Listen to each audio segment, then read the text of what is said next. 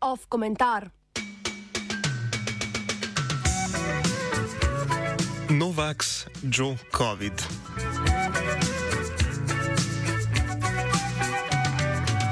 Traveling in a freighter combi. Za trenutek se je že zdelo, da bo prvi sin srpskega naroda, Novak Djokovič, s svojim ozadjem, vprašljive zdravstvene oskrbe in izmikanjem cepljenju brez težav prestopil avstralsko mejo. A ni bilo tako.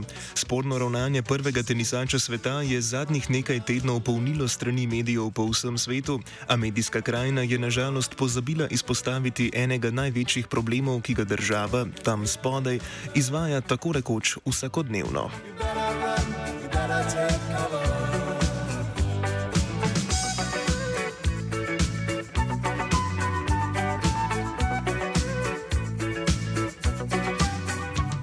Avstralija ima dolgo zgodovino drakonskih migranskih zakonov. Zadnji v vrsti je operacija Suverene meje, ki poteka od leta 2013. Uradno gre za varnostno akcijo, ki jo koordinira avstralska vojska, njen namen pa je preprečevati tihotapljanje po morju. Ideja o tem je zrasla na zemljiku liberalne in nacionalne stranke, ki sta leta 2013 v koaliciji s politikom Tonyjem Abbottom na čelu tudi dobili volitve. Begunci, ki si upajo pripluti v avstralske vode, so tako paušalno označeni za kriminalce, ne glede na to, ali so bili predhodno obravnavani ali ne. Njihova usoda je običajno klavrna.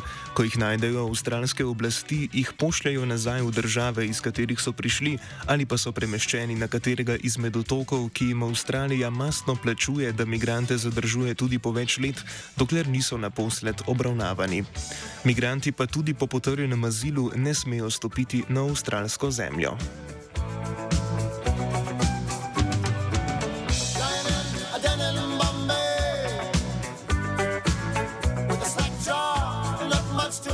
Dejstva, za katera vemo že več let, so prišla na površje po nesreči in to šele takrat, ko so v park hotel pripeljali Novaka Djokoviča.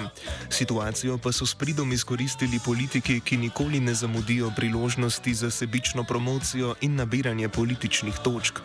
V ospredje so seveda postavili svobodno izbiro, a pri tem pozabili na begunce, ki na razrešitev svojega statusa v azilnih centrih široko po Avstraliji in otoških državah čakajo več let.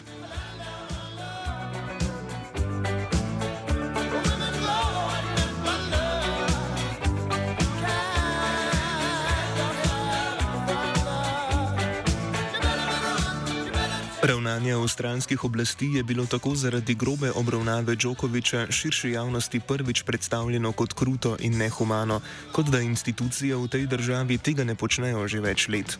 Da bi bila situacija še absurdnejša, se je Srbija spustila v pravi geopolitični boj in početje Avstralije označila kot vse splošni politični pregon, v katerem sodelujejo vsi, tudi avstralski premije, in se pretvarjajo, da pravila veljajo za vse. Ironično je seveda tudi to, da bi Srbija svojo rasistično migransko politiko avstralsko ravnanje z begunci z velikim veseljem preslikala na svoje meje. V očeh srpskih voditeljev nastane težava samo takrat, kadar proces, kakršnega bi radi uzakonili tudi sami, prestaja njihov človek, ki je po vrhu še izjemnega pomena za to, kako državo vidi mednarodna skupnost. She made me nervous. She took me in and gave me breakfast. Da je celotna situacija magnet za desno politiko ter borce za svobodo in individualne pravice, je pokazal tudi angažma bivšega evropskega poslanca in člana populistične stranke UKIP Nigela Faragea, ki je svojo skepso o cepivih upeljal v zgodbo o Novaku Djokoviču. V tem času je celo obiskal Djokovičeve starše v Srbiji ter na Twitterju redno izkazoval svoj prezir do COVID-nih omejitev in hrepenenje po dobrih starih časih, ko se je lahko na otoku še kadilo v zaprtih prostorih, tako kot v Srbiji. V vsem tem času sta celo izpuhtela njegovo navdušenje nad strogimi protibegunskimi zakoni in prezir do ljudi iz vzhodne Evrope, ki jih nikakor ni želel v, Veli v Veliki Britaniji. Novaku je tako uspelo združiti vse vrste desnih populistov, ko so ti glasno podprli posameznika v položaju, v katerega so sami spravili tisoče migrantov. hear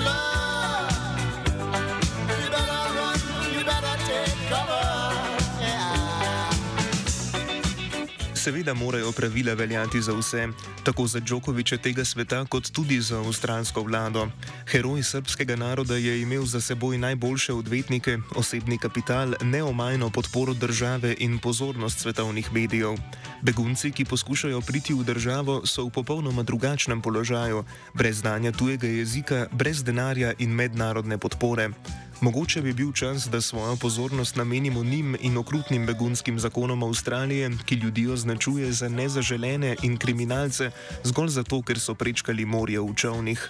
To je namreč večja kršitev človekovih pravic, kot pa to, da prvemu tenisaču sveta ne dovoli vstopa, ker ni cepljen.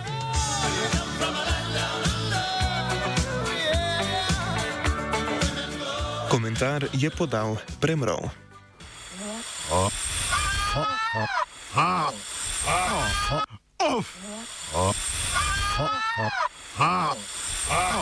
Off komentar.